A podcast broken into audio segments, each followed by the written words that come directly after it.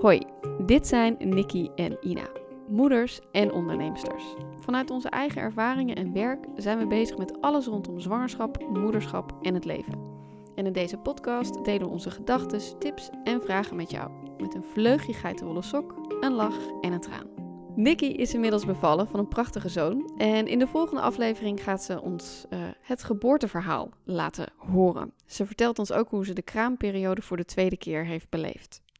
Vandaag praat ik met Astrid Petersen. Ze is moeder van twee kinderen, een dochter Mercedes van vier en een zoon van twee Remmelt. En in de afgelopen vijf jaar veranderde alles voor Astrid. Ze ging van 80 uur per week werken uh, naar fulltime moederschap. Uh, ze werkte samen met de vader van haar kinderen, maar ging na vijf en een half jaar uit elkaar. En haar uh, zoon Remmelt was toen nog net geen jaar oud. Nu, na de breuk, is ze op zoek naar een nieuwe balans. En ze voedt haar kinderen samen op met haar ex. Ze hebben co-ouderschap. En ondertussen heeft ze een nieuwe baan en een nieuwe liefde gevonden. Dus heel wat veranderingen, worstelingen en nieuwe wegen. En in dit gesprek deelt Astrid openhartig haar verhaal met als doel openheid te geven over thema's waar wij als moeders niet altijd zo openhartig over zijn. Namelijk het falen van je relatie, jezelf opnieuw leren kennen en je openstellen voor heel veel nieuws. Welkom Astrid. Ik ben uh, blij dat je je verhaal uh, gaat delen met ons. Wil je misschien uh, ons eerst iets vertellen hoe je leven eruit zag voordat je zwanger werd en wat je deed? Ja, allereerst wil ik even zeggen leuk dat ik hier mijn verhaal mag delen. Um, voor mij ook wel bijzonder, want ik heb zoiets nooit eerder gedaan. Um, nou, voordat ik zwanger raakte, werkte ik als zelfstandig ondernemer in de culturele sector voornamelijk um, achter de schermen dingen als uh, organisatie, productie en zakelijke leiding. Ik heb zelf ook wat concepten ontwikkeld, feestjes, evenementen, markten en dergelijke. Um, ja, en dat was uh, heel leuk. Dat gaf me veel voldoening. En uh, was ook heel heftig en intens bij tijd en mijlen. Ja, want je hebt op die manier ook je, je ex-partner leren kennen, toch? Ja, ja, ik heb hem leren kennen zeg maar, via het werk. Um, we zijn op een gegeven moment ook uh, samen gaan werken. Of eigenlijk heb ik eerst voor hem gewerkt en daarna meer samengewerkt. En um, toen zijn we een, uh, samen met nog een vriendin van ons een um, creatief bedrijfsverzamelgebouw begonnen. Een heel intens mhm. project, heel gaaf. Maar ja, ook heel druk en intens om dan ook uh, een relatie te hebben. Die is dus begonnen tijdens het werk. Um, en ja. Dus we, we werkten ja, allebei ongeveer zo'n 80 uur in de week aan hetzelfde project. En uh, nou ja, als we thuis kwamen, dan ging het werk eigenlijk gewoon altijd door. En ja, en, uh, ik moet zeggen ja. dat ik in het begin ook helemaal niet per se door had dat het zo heftig was hoor. Want in het begin vond ik het allemaal vooral heel erg leuk en heel gaaf dat alles lukte. En we deden meerdere projecten tegelijk. En nieuwe dingen opzetten. Het geeft ook heel veel adrenaline. En je, met heel veel, nou ja, je maakt gewoon, boekt heel veel successen en dat is heel erg leuk. Ja, maar het lijkt me ook lastig dat als je uh, zowel thuis als privé bij elkaar bent en als je zo zeker met zo'n nieuwe projecten bezig bent en dan houdt het werk denk ik ook nooit op. Nee, het houdt ook nooit op. En ook, ik merkte dat ik wel vaker zoiets had van ik wil graag eventjes uh, eruit en ik wil even genieten en ook mijn successen vieren en even iets anders. Maar er was nooit zoveel um, ruimte voor binnen onze mm. relatie of binnen ons uh, huishouden, zeg maar. Ja, en, en hoe, ging dat, um, hoe ging dat toen? Want op een gegeven moment besloot jij dat je niet meer die 80 uur per week wilde werken. Nou, eigenlijk ging het zo dat toen ik... Ik kreeg gewoon een burn-out. Ik ging, het ging gewoon veel te hard en ik kreeg last van paniekaanvallen en... Uh, ja, had eigenlijk gewoon continu stress. Maar zelfs toen ik dat had, voelde het een beetje alsof ik daar niet uit kon. Alsof, ja, we zijn dit nou eenmaal aangegaan. Dus uh, ja, we moeten door, een beetje dat. En op het moment dat ik uh, zwanger raakte en een, het uitzicht had op, op verlof, was het eigenlijk zo van, oh, hè, fijn. Dan heb ik een soort ja. van legitieme reden om, uh, om te stoppen met werken. Omdat ik dan iets anders belangrijks ga doen. Of zo, zoiets. Ja. Dus die, die burn-out, dat ging tegelijkertijd met je zwangerschap? Of was die al voordat je ook zwanger raakte? Nee, die was, al wel, die was er al wel voordat ik zwanger was, ja. Maar zoiets is natuurlijk niet, het komt niet op één moment, hè. Je hebt het niet ineens of zo. Het, is, het nee. bouwt zich gewoon langzaam op en je bent er... Ik denk dat veel mensen dat ook wel, die dat zelf hebben ervaren, het ook wel met me eens zijn. Dat ineens zit je erin en weet je niet eens meer wanneer het begonnen is. En uh, is het vooral moeilijk om eruit te komen, denk ik. Ja, En, en, want in die periode heb je het dus wel gehad ook over kinderen. En hoe wist je, uh, hoe wist je eigenlijk van ik wil graag kinderen? En wist je ook meteen van ik wil kinderen met deze man? ja, leuke vraag. Leuke vraag. Ja, ik denk, ik heb voor mijn gevoel altijd geweten dat ik uh, graag moeder wilde worden. Dus dat ik uh, ja, altijd wel graag kindjes wilde hebben. Ook in mijn vriendengroep ben ik eigenlijk altijd een beetje de mama-figuur geweest. Weet je voor iedereen zorgen en alles plannen. En iedereen die zijn ei kwijt kon bij mij en zo. Dus het is eigenlijk voor iedereen die mij kende wel heel duidelijk geweest van... Nou ja, als als het erin zit, wil zij wel, uh, wordt zij wel mama. Dat was ook bij, bij mijn ex, dus de vader van mijn kinderen die wist dat ook. En bij hem was het eigenlijk een beetje hetzelfde. Dus dat een van de, dingen die hij eh, als eerste heeft gezegd is dat hij wel graag kinderen wilde. En dat wist iedereen ook van hem.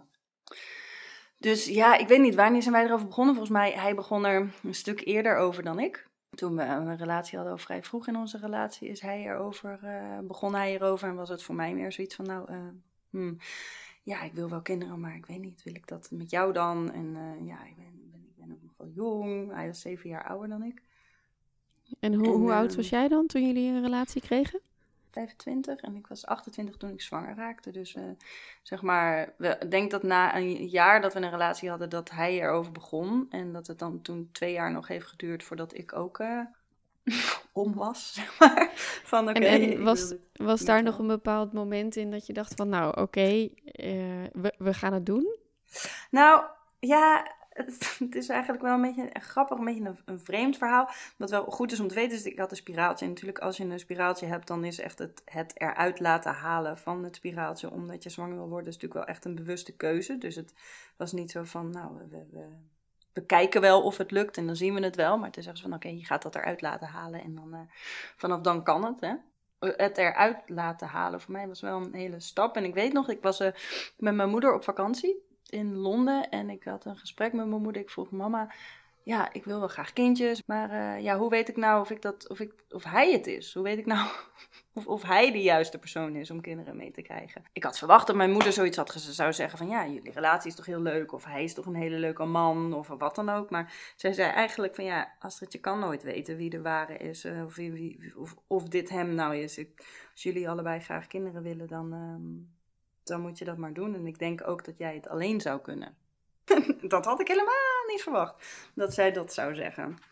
Ja, dat is echt een onverwacht antwoord van je moeder. Ja, enorm. Ik had er, uh, ja, op dat moment was ik ook, denk ik dat ik ook verder niet echt meer daarop gereageerd heb of zo. Dat ik dacht van ja. Zij had ook nog zoiets gezegd van ja, je hebt een heel groot sociaal netwerk. En uh, ja, als jullie het allebei willen, dan zou ik het gewoon uh, ervoor gaan. En toen heb ik dus ook na dat weekend uh, met haar in Londen heb ik toen ook besloten om het spiraaltje eruit te halen. Ja, dus dat was echt het laatste zetje wat je een beetje nodig had om de keuze te kunnen maken. Ja, ja. Ja. En hoe was jullie relatie op dat moment? Ingewikkeld, moeilijk, veel gedoe altijd. Um, ja, het is heel gek. Ik vind het heel lastig, omdat achteraf praten over iets is natuurlijk al heel anders dan als je ergens in zit. Als je ergens in mhm. zit, is het soms lastiger om te overzien waar je in zit dan als je eruit bent. Wij hebben nooit een hele passionele of romantische relatie gehad, maar veel meer een soort team of zo. Van, ja. we, we, we, hadden ook en niet heel veel gedeelde interesses of hobby's of dingen die we nou heel of aanpak zelfs van dingen waren heel vaak heel verschillend. Het enige wat, wat echt ons verbond was de passie voor het werk en het feit dat we allebei een kinderwens hadden. Wat heel groot aanwezig was. En ja, we hadden ja, wel veel ruzies altijd. En gedoe en spanning en moeilijk. En ja, ik zou niet willen zeggen dat we nou een, uh, dat alles op rolletjes verliep. Nee. Wist jouw moeder daarvan? Een beetje misschien. Ja. Ik weet niet. Ik had daar niet echt over verteld hoor, destijds nou, aan haar. Maar misschien weten moeders gewoon, uh, weet, je, weet je gewoon hoe het met je kind gaat als je naar je kind kijkt. Daar kan ik me best wat bij voorstellen. Ja. ja. En toen, toen raakte hij heel snel zwanger? Ja. En, en hoe ging dat toen? Want uh, toen was je dus nog heel erg druk ook aan het werk. Eh, ja, ik zat er toen nog middenin. En op het moment dat ik uh, zwanger raakte, nou, dan ga je een plan maken. En toen heb ik er, uh, het allemaal zo gepland dat ik dan zes weken voor de uitgerekende datum met verlof zou gaan. Ja, dat, zo, zo, ging dat ook. In die zes weken dat ik verlof had, ook, ik vond dat heerlijk. Ik weet nog echt dat ik vond het echt geweldig om niet te werken. En om me helemaal in die Hmm. babybubbel te begeven. En het voelde een beetje als een soort van mijn nieuwe werk. Ging ook echt alles opzoeken en alles helemaal regelen. Honderd miljoen keer alle babykleertjes opvouwen. En ik, ik vond het, ik vond het, ja, ik was er Heel herkenbaar. Ja. ja, bijna een soort van obsessief mee bezig. Maar ik vond het heel fijn. Ik deed dat ook wel allemaal veelal gewoon al- alleen. Ja, want, want was, je, ehm, was je partner toen betrokken? wilde heel graag dat we wel een leuke relatie hadden. En ik wilde heel graag dat hij een betrokken vader was. En ik wilde eigenlijk heel veel dingen die helemaal niet zo waren tussen ons. Eh, Hmm. Dus een soort van beeld of zo. wa- Wat ik nastreefde tussen ons. Dus ik- wat ik deed, is ik sleepte hem er vooral gewoon een beetje bij. Dus dan was hij er wel bij, maar dan was hij eigenlijk niet echt aanwezig. Snap je wat ik bedoel? Mm, ja, ja, ja, ja, dat snap ik. Ja. Ja. Dus ook niet echt geïnteresseerd, maar ja, vooral bezig met ja, zijn to-do-lijstjes. Terwijl hij wilde wel heel erg graag kinderen. Ja, ja. Ja, en hoe, Gek, hoe ging hè? dat dan toen, toen Mercedes, eh, jullie dochter, eenmaal geboren was? ja toen eh, deed ik eigenlijk alles. Hmm.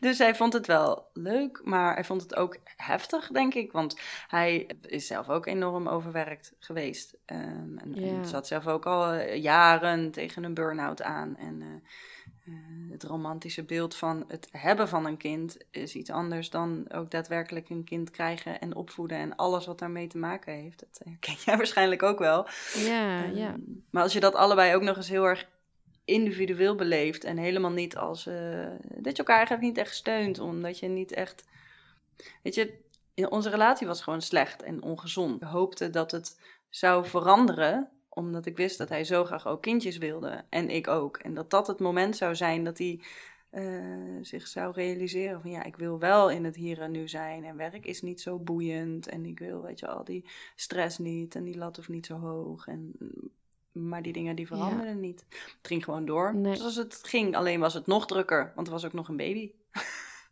ja, en die zorg kwam dus met name bij jou terecht. Want hij was met name buiten de deur aan het werk en, en jij was op dat moment fulltime thuis. Ja dat was Ja. wel de, de, de verdeling, ja. En ik, ik merkte ook, ik bedoel, ik vond het, heel, ik vond het ergens ook heel lekker hoor, dat ik het allemaal eh, gewoon zelf kon doen. Dat ik niet allemaal eh, hoefde te overleggen met hem, eh, al die dingen over de baby. dat Ja, het gewoon ja. op mijn manier ging. En het, voor hem was het ook een beetje zo van, oh, eh, Astrid, hoe, hoe doen we dit? Niet van, hoe zullen we dit doen? Maar gewoon, zeg jij even tegen mij. Weet je wel, zijn ding was het werk en mijn ding was het kind. Ja, en, en tijdens jouw zwangerschap hadden jullie toen ooit gehad over dat hij bijvoorbeeld ook een dag thuis zou zijn? Of ehm, gebeurde het meer dan dat jullie het er echt over hadden? Nou, ik denk dat we er wel bewust voor hadden gekozen dat ik thuis bleef. Want ik wilde dat ook heel graag. Nou, hij wilde wel ook graag kinderen, maar had wel vanaf het begin aangegeven dat zijn werk ook wel belangrijk was. Maar ik had op een of andere manier gedacht dat hij vanzelf wel dat zou gaan Hmm. willen. Als het er eenmaal Ja. was. Van, nou dan zie je wel dat het heel leuk is of zo. Maar in plaats daarvan was het meer van, oeh, ja, oh, het is wel heel veel werk. Oh, het is wel ingewikkeld. Oh, eh, nou, dit kan ik niet hoor. En hoe, hoe was dat voor jou? Want je, want je wilde het wel, maar je hoopte eigenlijk ook op iets anders. Ik kan me voorstellen dat het ook best wel eenzaam is. Oh ja, oh ja, oh zeker. Ik heb me bij eh, heel eenzaam gevoeld. Ja. Mm. ja, en ook heel erg geschaamd voor de hele situatie eigenlijk. Omdat ik zo graag wilde dat het eigenlijk anders En kon was. je het op dat moment met andere mensen daar ook over hebben? Nou, het had waarschijnlijk wel gekund, maar ik heb dat niet gedaan. Want ik schaamde me daar veel te veel voor. Ik had ook niet echt vriendinnen die, die eh, al kinderen hadden. Ik heb al twee vriendinnen, eentje die ik niet zoveel meer sprak. En de andere sprak ik dan soms nog, die dan al een kind hadden. Maar de mensen die ik, eh, nou ja, die ik veel sprak en zo, die hadden allemaal geen kinderen. Dus daar voelde ik me ook, ja, dat ik niet echt begrepen zou Ja. worden. Maar het grootste gedeelte van het niet vertellen was gewoon dat ik me echt ehm, schaamde voor hoe, hoe slecht het eigenlijk was. En ook van als ik erover ga vertellen, dan moet ik er ook Ja. iets mee. Ja. Ja. Dus, snap je? Dus als ik nu ga vertellen hoe eh kloten het allemaal gaat, dan ja, moet ik daar dus ook wel echt iets gaan veranderen. En dan is eigenlijk de enige optie bij hem weggaan. Want alle gesprekken over dat het allemaal anders moet, die voerde ik met hem Ja, wel altijd. Ja, en dat ruzie maken, die gesprekken voeren. ehm, hoe, hoe ging dat dan in combinatie ook met, ja, met jullie dochter? En kun je daar iets over vertellen? Mm, nou ja, de ruzies die we hadden waar het over ging, dat, ja, ging over van alles. Soms over kleine dingen, over uh, verschillende aanpak hebben in, in dingen, over de tijd die je anders in wilde delen. Uh, over stress die hij mee naar huis kwam en dat ik vond dat dat een slechte invloed had op, het, uh, op onze dochter en later ook op onze zoon. Over Um, dat ik graag zou willen dat hij meer tijd aan uh, zijn gezin besteedde. En dat als hij dan thuis was, dat hij dan ook echt thuis was. En niet thuis ook nog allemaal projecten op aan het zetten was. En hij had vaak ook heel veel kritiek mm. op mij. Want hij legde gewoon zelf de lat heel erg hoog. Dus dan moest ik het ook thuis allemaal helemaal perfect doen. En we konden ook nooit meer gewoon een soort van genieten. Samen van, van dingen. Het stomme was is dat ik... Uh, ik wilde het dan wel over hebben, maar op het moment als hij thuis kwam en er was dan heel veel stress in huis, dan de ruzie die dan op de loer lag. Ik wilde gewoon niet ruzie maken waar het kind bij was. Ja. Dus, hè, mijn dochter bij was in het begin. Dus ik ging dan gewoon uit en ik zette gewoon mijn aandacht, richtte ik op het kind. En ik negeerde zeg maar het de negatieve emotie. En pas als hij weer iets positiefs of iets, iets normaals zei, zeg maar, ging ik daar weer op in. En pas op het moment dat het kindje dan sliep en niet meer in de ruimte was, dan wilde ik erover gaan praten. Maar dan kon het dan niet, want hij sloot hij zich af ja. eigenlijk. En dan, ja, we hebben er wel heel veel over gehad, maar er veranderde eigenlijk nooit. En, en hoe kwam dan het besluit? Want er kwam wel een tweede kind. Jullie zoon is daarna nog geboren. Hoe, uh, hoe ging dat? Ik heb altijd gewild dat onze dochter een broertje of zusje kreeg. Vandaar dat er dan nog één bij kwam. En dat was voor mij eigenlijk niet echt het idee van nou dan, uh, dan gaat het dan nog wel, wel weer veranderen of zo. Want eigenlijk denk ik dat ik onbewust dat al wel een klein beetje op had gegeven. Ja. Ja, het klinkt echt heel erg allemaal. Als ik mezelf dit hoor zeggen, denk ik echt, mijn god, wie is die vrouw? Waarom denk je zo? Maar het is, ja, het is zeg maar wel heel eerlijk in, in hoe... Um, niet alsof het allemaal zo bewust is gegaan. Ja, nee, het is ook achteraf. Zeg maar. Niet alsof je Precies, je kan er achteraf dan over praten. En als je er middenin zit, dan gebeuren dingen ook veel meer gewoon zoals ze gebeuren op gevoel en op uh, dat wat je, ja, je doet gewoon altijd, denk ik, wat je denkt dat het beste is. En ik, ik wilde en ik hoopte ook altijd dat dingen zouden veranderen. Maar als dat het op een gegeven moment niet, niet doet, dan. Ja, want toen werd, werd inderdaad jullie zoon geboren. Ergens in het jaar daarna besloten jullie ook uit elkaar te gaan. Hoe hoe verliep dat proces? Hebben jullie dat samen besloten of was dat jouw beslissing? Nee, dat was wel echt mijn beslissing. Want ik kon het gewoon niet meer hmm. aan. Ik, ik, en ik ben, ik ben iemand anders tegengekomen en daar waar ik enorm verliefd op ben geworden. Wat eigenlijk meer een soort van voor mij een zetje in de goede richting was dan, dan een reden of een uh, directe aanleiding of zo. Ja.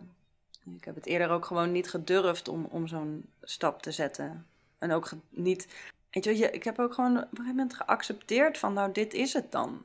Ja. dit is het dan gewoon. Ik heb niet het recht om gelukkig te zijn. Of er is, geen, er is gewoon geen ruimte in deze relatie voor mij. Want hij gaat toch niet veranderen. Dus dit is het dan maar. Want dan heb je kinderen en dan ga je niet zomaar weg. Maar om dat al inderdaad van dan is dit het maar op je dertigste al te denken, dan is je leven waarschijnlijk nog heel erg lang.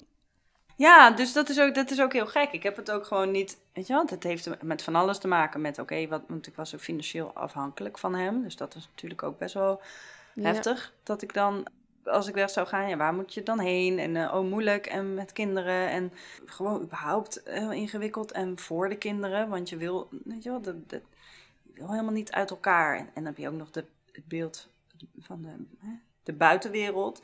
En alle oordelen van de buitenwereld daar overheen waar je tegenaan moet vechten. En, en hoe waren dan die oordelen van de buitenwereld? Heb je ja, van familie of vrienden ja, negatieve feedback daarover gehad? Of viel dat mee? Het viel me heel erg mee, maar ik heb ze wel gekregen. En dan is het niet zozeer negatief als in dat ze zeggen: uh, je bent een trut of zo, of wat dan ook. Maar dat je voelt dat mensen begripvol proberen te zijn, maar eigenlijk denken: zou je het niet nog gewoon moeten proberen? Ja. Van je gaat toch niet zomaar weg, want je hebt kinderen. Alle begin is moeilijk. Jonge kinderen, het is allemaal moeilijk en het heeft heel veel uh, impact op je relatie. Wij hebben het ook moeilijk gehad in het begin, maar we zijn er ook doorgekomen, dat soort dingen. Hoe ging dat dan praktisch, die, die eerste periode, toen jullie de knoop hadden doorgehakt? Dus in het begin praktisch met betrekking tot de kinderen. Dan moet je van alles regelen. Want eh, waar zijn ze in de weken? Wie, wie, wie, wie doet wat? En hoe zit dat met spullen? En al die dingen die heb ik toen een beetje bedacht en voorgesteld. En, want hij kon eigenlijk niks bedenken. En in het begin heb ik ook meer voor de kindjes gezorgd. Het ging eigenlijk langzaam steeds iets meer, totdat we nu een 50-50 verdeling hebben. Ehm, ja, want dat was voor jou natuurlijk ook wel heftig. Want je was dan inderdaad financieel afhankelijk van hem op dat moment, omdat je niet, niet werkte. En hoe heb je dat opgepakt? Nou ja, ja, hoe moet je dat oppakken? ik weet niet. Je, je gaat. Ehm, ik heb heel veel hulp gekregen van mensen om me heen. Dat was heel erg fijn. We hebben. Um, praktisch gezien hoe we het qua wonen hebben gedaan, is dat ik eerst. Hebben we samen uh, een appartement gedeeld. Waar we dan om en om zaten. Met het idee van, nou oké, dan blijven de kinderen op één plek. En dan verhuizen wij heen en weer. Want de kinderen kunnen er niks aan doen. Dus laten we het voor hen een beetje stabiel houden. Mhm. Maar um, dat appartement, dat konden we op een gegeven moment niet meer huren. En toen ben ik um, naar mijn moeder toegegaan. De, de, de, kinderen kwamen daar gelukkig al één keer in de week, hadden daar al een eigen kamer. Dus het was geen vreemde omgeving, dus dat was wel fijn. Maar financieel gezien, ik ben in de bijstand terechtgekomen. Ja, in het begin ben ik gewoon bij mijn moeder, dus had ik ook niet spullen nodig. Dus alleen je kleren is genoeg en uh, wat speelgoed wat daar is. En dan uh, met het geld van de bijstand, ja, koop je je, je eten, zeg maar. Ja, en verder deed ik ook niks, weet je wel. Dus ik, ging, ik, ik kon niet een kopje koffie ergens drinken of zo, of, of, of iets kopen van, van mezelf of zo. Ja. is gewoon niks. Ik ben gelukkig nooit, heb ik zoveel waarde gehecht aan spullen. Dus dat scheelt dat ik niet ineens uh, dat heel erg miste. Wat me heel erg, want ik heb dus inmiddels heb ik weer een, een huisje waar ik, uh, dat ik huur. En dit is volledig ingericht met spullen die ik uh, heb gekregen van ja. vrienden. En, ja. schilderen en alles. Allemaal met hulp van heel veel vrienden. En dat is ook wel wat ik me echt heel erg heb gerealiseerd door van dat ik ondanks dat ik misschien een, een, een gedeelte, hè, een groot gedeelte van mijn beleving in die jaren dat ik moeder ben geworden en die slechte relatie had, niet heb gedeeld. Dat ik toch wel mijn sociale contacten heb onderhouden en die mensen me ook wel echt, weet je wel, dat ze echt van me houden. Hmm. ook al, weet je wel, dat het niet zo was van, ja, jeetje, wat maak je me nou? Weet je wel, wat heb jij voor leven geleefd? Wat, waarom, waarom wist ik dit niet? Of zo, of weet ik veel. Maar dat mensen gewoon vooral denken van, oh man, wat super heftig voor je. En wat, wat, wat naar voor je dat je niet. De... Ja, dat het niet geworden is wat je had gehoopt. Ja. Ja, en ook dat je gewoon zo alle in je eentje mee hebt gedeeld. Dat je er niet. Eh, dat je het niet hebt gedeeld, zeg maar. En dat vond ik wel. Uh, dat is ook een van de redenen waarom ik graag hier uh, aan jou of jullie ja. podcast mee wilde werken. Omdat ik er nu juist heel erg van overtuigd ben dat het delen zo, zo super belangrijk is. Dat zeg maar je schamen voor dingen die niet lukken. Van de kleinste dingen van het moederschap tot, tot uh, de grote dingen in relaties. En überhaupt je vrouw zijn en je, je, relatie als je moeder bent. Zeg maar dat die dingen die, die zijn er nou eenmaal. En uh, hoe meer je deelt en open erover bent en eerlijk erover bent, hoe beter je ermee kan dealen, denk ik. Ja, mooi, dankjewel. Ja, het is misschien ook een goed moment om eventjes naar onze terugkerende rubriek te gaan, namelijk uh, de biecht. Het mag iets van jezelf zijn of iets van een ander. Ik zal uh, beginnen. Ik uh, sprak uh, onlangs iemand voor, ehm, een vrouw voor mijn boek. Ik schrijf, zoals sommigen van jullie weten, een boek over de combinatie zwangerschap en werk en ook moederschap en werk. En deze vrouw had bewust gekozen om alleenstaande moeder te worden. En ze, heeft, uh, nou, ze woonde samen met haar dochter en op een gegeven moment uh, leerde ze een man kennen en samen met hen kreeg ze nog een zoon. En wat zij vertelde is dat ze heel erg blij is, uiteraard, om het nu samen met iemand te kunnen delen, dat ouderschap. Maar ze biecht eigenlijk ook wel op dat het niet altijd makkelijker is met z'n tweeën. Want ze zei ook een beetje wat jij ook al eerder zei: van in je eentje hoef je niet zoveel af te stemmen. Ja, kun je het gewoon doen zoals jij denkt dat je het moet doen. En ik denk dat we ook stiekem allemaal wel eens denken van... Hmm, het zou wel fijn zijn om niet alles te hoeven overleggen. Dus dat is uh, mijn biecht, ja. Ook wel herkenbaar van andere vriendinnen die wel inderdaad gewoon een relatie hebben en ook een goede relatie hebben. Waarvan ze ook wel eens denken, soms vind ik het wel uh, relaxter als uh, mijn partner even weg is het weekend en ik met de kinderen ben. Dan kan ik het gewoon allemaal op Precies, precies. Ja, ja, ja. ja. En wat is jouw uh, biecht voor deze aflevering? ik heb allemaal van die zware dingen. Ik, ben, ik heb ook heus wel wat lichte, lichtere dingen. Maar ik, eh, omdat het thema een beetje is van delen van de nare dingen of zo. Of, eh, had ik bedacht dat ik wilde de overtuiging dat het uh, goed is om als je die kindjes eh, heel jong zijn nog. En trouwens ook als ze ouder zijn. dat het goed is om gelijkmoedig te reageren op bijvoorbeeld boze reacties of driftbuien van je kinderen. Omdat, ik denk dat dat veel beter werkt. Ik merk aan mezelf dat ook al wil ik rustig blijven, dat ik soms wel uh, nee, onevenredig veel stress in mijn lijf voel. Vooral wanneer ze hmm. allebei tegelijkertijd lastig doen. En dat ik dan soms bozer word dan ik zou willen. Ja. Dat ik uh, in plaats van tot tien te tellen en gewoon rustig uh, voor te leven, Weet je wel hoe ze uh, kunnen doen en hun emoties gewoon bij hen te laten. Precies. Dat ik dan toch uh, soms, weet je, dat ik dan met mijn verheffende stem zeg dat ze niet zo moeten schreeuwen. Weet je wel, ja. ja. Dat is natuurlijk onzin. Dat slaat echt helemaal nergens op. Dat werkt ook helemaal niet. Ja, ook al ben ik me dan bewust van, het lukt niet altijd. Heel herkenbaar ook, ja. Oké. Even terug ook naar, uh, naar, je, weer naar jouw verhaal. Want je vertelde dat uh, toen jullie samen waren, hij niet zo heel erg betrokken was, je ex niet zo heel erg betrokken was bij, bij de opvoeding. Maar dat jullie hmm. nu de zorg over jullie kinderen 50-50 verdelen. Ja. Hoe is het om, om hen opeens wel als een betrokken vader te zien? Ik vind het heel fijn voor mijn kinderen. In het begin vond ik het soms wel frustrerend, omdat je dan denkt, ja, waarom doe je dat nou nu pas? Weet je, waarom uh, heeft het niet vanaf het begin af aan zo kunnen zijn als het toch in je heeft gezeten. Maar ik weet ook dat het nooit naar boven was gekomen als ik niet weg was gegaan. Um, ik heb eigenlijk vanaf het begin van de scheiding me voorgenomen om uh, me niet op dit soort negatieve emoties te richten. Um, maar om het gewoon te kijken wat er um, goed aan is. En wat er heel goed aan is, is dat de kindjes nu gewoon een vader hebben. En uh, hij doet andere dingen met ze dan ik doe. En hij leert ze andere dingen, geeft andere dingen mee aan ze dan dat ik doe. En ik denk dat dat goed is, want ze bestaan ook voor de helft um, uit hem. Twijfel je wel eens dan aan, je uh, aan jouw besluit om uit elkaar te gaan nu je hem op deze manier ook ziet? Nee, want het, het maakt nog niet de relatie beter. Hmm. Snap je? Het gaat over zijn relatie met onze kinderen, met hem als vader. Maar dat heeft niet zoveel te maken met de liefde die je elkaar kan geven. Of dat wat je met elkaar kan delen. Of dat wat je voor elkaar voelt. En, en hoe is die relatie dan tussen jullie op dit moment? Um, hoe spreken jullie over de kinderen? Zitten jullie één keer in de zoveel tijd samen? Hoe, hoe gaat dat?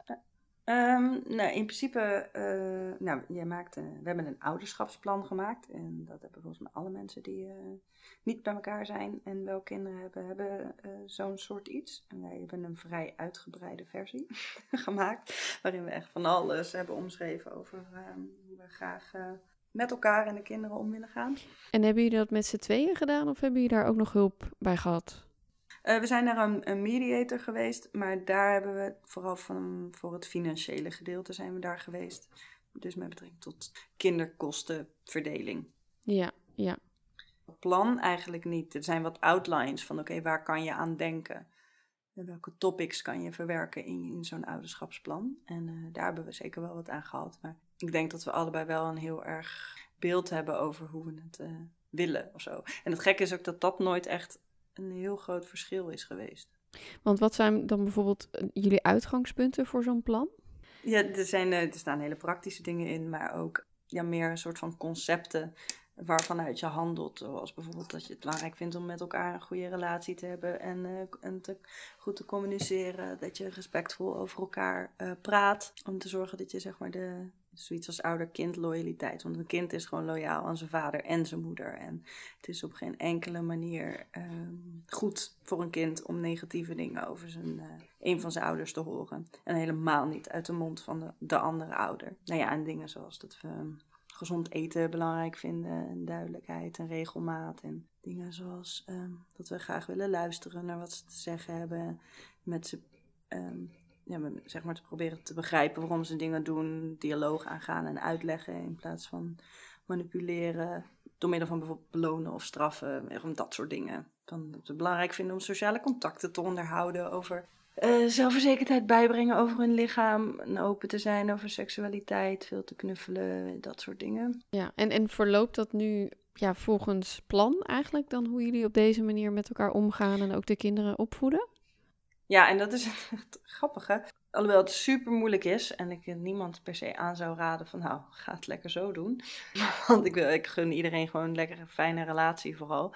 Uh, maar ik denk dat het wel heel leuk is dat wij ons heel bewust, we zijn heel bewust van dat wat wij allebei bijdragen in ons ouderschap. En um, het, doordat je zo'n ouderschapsplan maakt, dat doe je eigenlijk niet als je bij elkaar bent. Nee, ik, ik, bedacht, ik bedacht me net, dit is eigenlijk ook een goed idee als je wel samen bent. Omdat het heel mooi een, een, een soort, ja, soort richtlijn is van waar je voor wil staan in je opvoeding en wat je ze wil meegeven. Dat is eigenlijk heel mooi. Het is super mooi. En het, zijn, het is ook, um, het is sinds we uit elkaar zijn, gaat dat eigenlijk veel beter. En zijn we er ons ook allebei veel bewuster van. Van oké, wat draag jij bij? Wat draag ik bij? Omdat ik deed natuurlijk eerst allemaal alleen.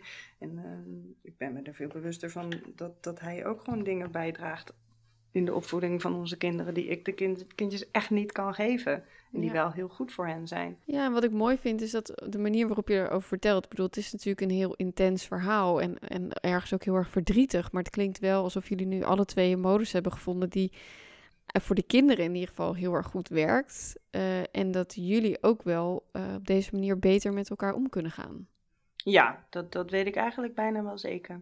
Ja, je, vertelde al een beetje aan het begin dat je uh, eigenlijk verliefd werd op iemand anders. En dat dat ook een beetje het zetje was, zeg maar, om, ja. om de beslissing te nemen. Hoe was het om een nieuwe relatie te starten terwijl je al kinderen hebt? Ja, raar. ik weet het niet. Ja, zo gek joh. Het is zo anders dan, dan zonder kinderen. bedoel, je komt gewoon met een soort pakketje aan voorwaarden. En uh, weet je, de vader van je kinderen, dus een ex die hoe dan ook uh, invloed heeft op, uh, die gewoon altijd in mijn leven blijft spelen. Ja. Want hij is de vader van mijn kinderen, weet je wel. En als je het bijvoorbeeld hebt over zaken als uh, waar wil je wonen en, en, en, en hoe ga je je vakanties inplannen en al die dingen. Je, ja, is gewoon heel anders. Ja. Het is gewoon heel anders. Je bent helemaal niet meer zo vrij om, je komt niet iemand tegen en denkt, oh we gaan... Um, oh, je wordt verliefd op elkaar en we kunnen doen wat we willen. De wereld ligt voor ons open. Ja, nee, Helemaal niet. Ik heb twee kinderen en die gaan naar school. Ja. En daarbij moet ik in de buurt wonen. En uh, weet je wel, dus ja, dat is uh, echt een heel, heel ander verhaal. Jouw nieuwe partner, want ja, die vond dat allemaal oké, okay, blijkbaar. Hoe, hoe ging dat? Ja. Want ja. wist, wist hij bijvoorbeeld dat, dat jij kinderen had toen jullie elkaar leerden kennen? Ja, ja, het is geloof ik het eerste wat ik tegen hem gezegd had. Omdat ik me helemaal kapot schrok dat er überhaupt... Dat, ik, ik, ik, was helemaal niet, ik was helemaal niet mee bezig, joh. Ik schrok me helemaal kapot dat ik ineens iemand zag en dat ik zo het gevoel wat er in mij uh, loskwam. Ik eh, pff, wist helemaal niet wat me overkwam. Dus een, de eerste wat ik tegen hem heb gezegd is, uh, volgens mij van ja, ik heb, uh, dat ik kinderen heb. Een beetje zo van ja, ik weet niet wat je nou kijkt, maar ik ben moeder hoor. Beetje zo. Ja, ja, ja. ja. En, en hoe ging die introductie dan bij je kinderen en ook bij je ex? Wanneer heb je het aan hem verteld? Nou, mijn ex heb ik het gelijk verteld. Gelijk dat ik iemand ontmoet heb. Um, en nou ja, gewoon gezegd dan dat ik zo, ja, dat ik wil kijken hoe het loopt. Want dat was ook gewoon hoe het was. Ik ben heel eerlijk en open geweest in hoe het um, verliep. En dus het werd steeds, uh, onze relatie werd ook steeds serieuzer. Want je weet dat natuurlijk in het begin nog helemaal niet van waar gaat het naartoe. En dan ga ik ook nog niet aan mijn kinderen voorstellen en zeggen van nou dit uh, is mama's nieuwe vriend of zo. Ze zijn überhaupt nog zo jong dat het hele concept van een relatie, dat dat niet echt te behappen is of zo. Dus het is gewoon heel langzaam gegaan. En ook, uh, nou ja, dus die eerste introductie aan mijn kinderen. Dat het gewoon, hoe ik hem eigenlijk benoemd heb, gewoon als hm, hoe die heet. Ja, en niet, ja, ja. Niet, niet, niet met verder iets erbij. En naarmate de relatie serieuzer werd, bleef hij dus ook een keertje slapen. En, en zo gaat ja, het is gewoon echt geleidelijk uh, gegaan. En, en met je ex, wanneer, want hebben ze elkaar ontmoet of hoe, hoe ja, loopt ze hebben elkaar nu, nu hebben ze elkaar ontmoet. Maar dat was in het begin, uh, wilde mijn, uh, mijn ex echt helemaal niks van weten. Dus hij wist het, maar hij wilde er niks van weten. Ja. En uh, mijn vriend moest ook altijd dan weg. Als hij de kinderen kwam brengen en mijn, ex, of, mijn vriend was hier, dan wilde mijn ex echt niet dat hij er was. Dus toen was mijn huidige vriend zo lief om dan altijd ook te zorgen dat hij eventjes buiten de deur was als hij uh, mijn ex de kinderen kwam brengen. En mijn vriend is steeds meer betrokken bij de kinderen. En ja, dus het lijkt me ook dat het voor hem wel belangrijk is om te weten wie er zo met mijn kinderen omgaat. Op, op zo'n reguliere basis. Dus ze hebben elkaar nu ontmoet. Onder uh, enigszins uh, dwang. Een beetje dwang van, mij, van mijn kant. En als je terugkijkt, zeg maar, op dit hele, ja, dit hele verhaal. Want het is natuurlijk echt een, uh, nou, waar we ook al de uitzending mee starten, echt een enorm contrast van keihard werken naar een relatie en kinderen en dan uit elkaar en alles eigenlijk opnieuw weer opbouwen. Ja, heb je tips voor vrouwen die zich misschien ook herkennen in dit verhaal? Of dingen waarvan je zegt van nou, ja, dit heb ik echt geleerd? Nou, ik denk dat het super belangrijk is om altijd een sociaal netwerk te houden. Gewoon los van je partner, gewoon jouw eigen vrienden, zodat je weet dat je nooit alleen komt te staan. Want je weet gewoon nooit, je weet gewoon niet wat er gebeurt. En vrienden zijn echt zo super belangrijk. Ja. Heb, heb ik in ieder geval wel geleerd. Dat dat, uh, ik wist wel dat vrienden belangrijk waren, maar het sociale netwerk om ook gewoon te voorkomen dat je echt in een complete identiteitscrisis komt, weet je wel. Of in een enorm gat valt. En dat de mensen daar zijn die jou kennen, zeg maar, om je eh, te helpen en je op te vangen. Ja, mooi. Ja, en zijn er ook dingen die je misschien absoluut helemaal anders zou doen? Ja, ik, ik zou echt nooit meer financieel afhankelijk willen worden van iemand anders. Nooit meer. Mm. Nooit, nooit, nooit meer. Dat is echt zo dom. Ik weet niet, het ook echt heel dom dat ik me dat heb laten overkomen. Maar ja, het is wel gebeurd. Maar dat zou ik dus nooit meer doen. Ja, ja, maar ja, dat zijn ook weer van die dingen. Je weet niet hoe het loopt. En op dat moment, om bijvoorbeeld even dan niet te werken, was misschien op dat moment wel een juiste keuze. Ja, maar dan zou ik in, uh, zelfs al zou die situatie nog een keer voorkomen, dan zou ik altijd het wel uh, handiger hebben aangepakt. Dus om in die periode dan niet mijn eigen spaargeld op te gaan maken. Een laatste, inderdaad nog een goede tip. Dankjewel voor al je openheid en uh, voor het delen van uh, nou ja, al je ervaringen.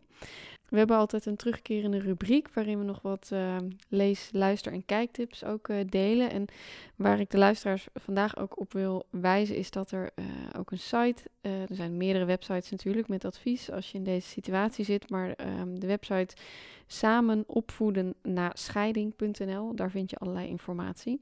Als jij nog tips uh, hebt, uh, Astrid, dan kunnen we die later ook nog in de show notes verwerken. Wilde ik eigenlijk jou vragen om nog af te sluiten met een uh, mooie quote. Dus je mag hem zelf even introduceren. ja, nou, het leek me wel grappig om dan uh, na al die uh, zware kost eventjes een hele fijne quote van um, Supermodel of the World, RuPaul, toe te voegen. Nou ja, eigenlijk de meest bekende drag queen die er is, die bij de drag race na elke eliminatieronde altijd zegt: If you can't love yourself, how in the hell are you gonna love someone else? Daar ben ik het uh, helemaal mee eens. Lijkt me een prachtige quote uh, om mee af te sluiten. Dankjewel Astrid. Wil je als luisteraar nou ook een biecht delen? Wil je je persoonlijke verhaal of jouw professionele kijk op zwangerschap, geboorte of ouderschap delen? Neem dan contact met me op. Ook voor een privéles of een consult kun je me bereiken via ina.yourorganization.com. Vond je deze aflevering waardevol of interessant? Deel het, like het, abonneer je op onze podcast of laat een review achter op iTunes. En het mooie muziekje dat je hoort is van Quinten Keizer. Tot de volgende keer.